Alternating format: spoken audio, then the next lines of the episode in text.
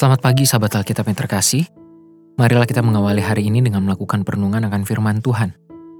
Bacaan Alkitab kita pada hari ini berasal dari kitab 2 Korintus pasal 5 ayat 6 sampai 10. Maka oleh karena itu hati kami senantiasa tabah, meskipun kami sadar bahwa selama kami mendiami tubuh ini kami masih jauh dari Tuhan.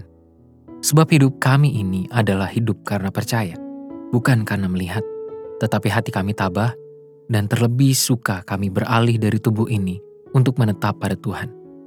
Sebab itu juga kami berusaha, baik kami diam di dalam tubuh ini maupun kami diam di luarnya, supaya kami berkenan kepadanya.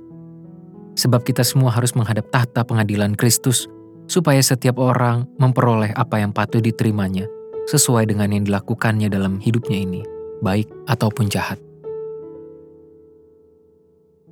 Pernyataan Paulus dalam perikop ini berisikan muatan nilai teologis yang begitu kuat di dalam kerangka teologi kekristenan. Secara khusus mengenai nilai tubuh dan keselamatan.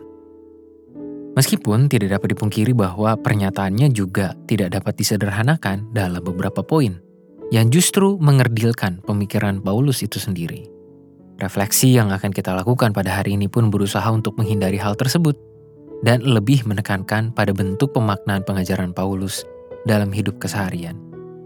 Secara khusus di dalam kaitan ayat 6-10, kita akan memberikan fokus lebih pada ayat 9. Paulus menuliskan, Sebab itu juga kami berusaha, baik kami di dalam tubuh ini maupun kami diam di luarnya, supaya kami berkenan kepadanya. Pernyataan ini merupakan sebuah kesediaan iman untuk tetap berkarya di dalam hidup keseharian sebagai wujud perjuangan iman menghadapi berbagai kenyataan yang tidak menyenangkan. Hal ini menjadi begitu relevan untuk konteks jemaat Korintus yang mengalami berbagai gejolak, entah dari dalam maupun luar jemaat, yang sungguh dapat mengguncang keimanan mereka. Itulah mengapa Paulus begitu menekankan persistensi keimanan yang perlu diperjuangkan, secara khusus di tengah beragam pergumulan kehidupan. Secara lugas, Paulus justru menggunakan pengalaman hidup yang penuh pergumulan dan ketidaknyamanan sebagai kesempatan untuk menunjukkan perjuangan iman yang perlu terus dilakukan. Dengan kata lain, pengajaran Paulus ini sedang mengajak jemaat di Korintus untuk tidak memandang pergumulan dan penderitaan secara pesimis, melainkan dengan penuh pengharapan demi menghasilkan perjuangan iman yang terus bertumbuh. Tentu saja hal ini tidak semudah dibayangkan dan diucapkan, namun memang sangat dibutuhkan Inilah perspektif iman yang perlu dibangun oleh setiap umat Tuhan di tengah dinamika kehidupan yang penuh ketidakpastian. Sahabat Alkitab, meresapi nilai pengajaran Paulus ini memang tidak dapat terjadi secara efektif jika hanya direspons sebagai bahan bacaan yang sembari lalu. Mewujudkannya dalam hidup keseharian juga tidak semudah membalik telapak tangan.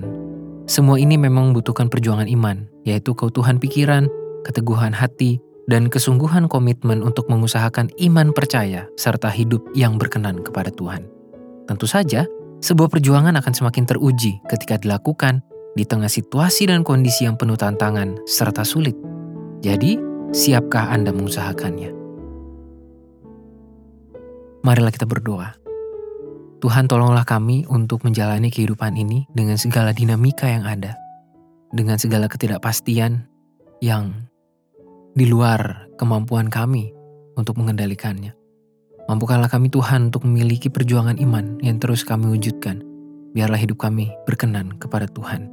Hanya di dalam nama Tuhan Yesus kami berdoa dan memohon. Amin.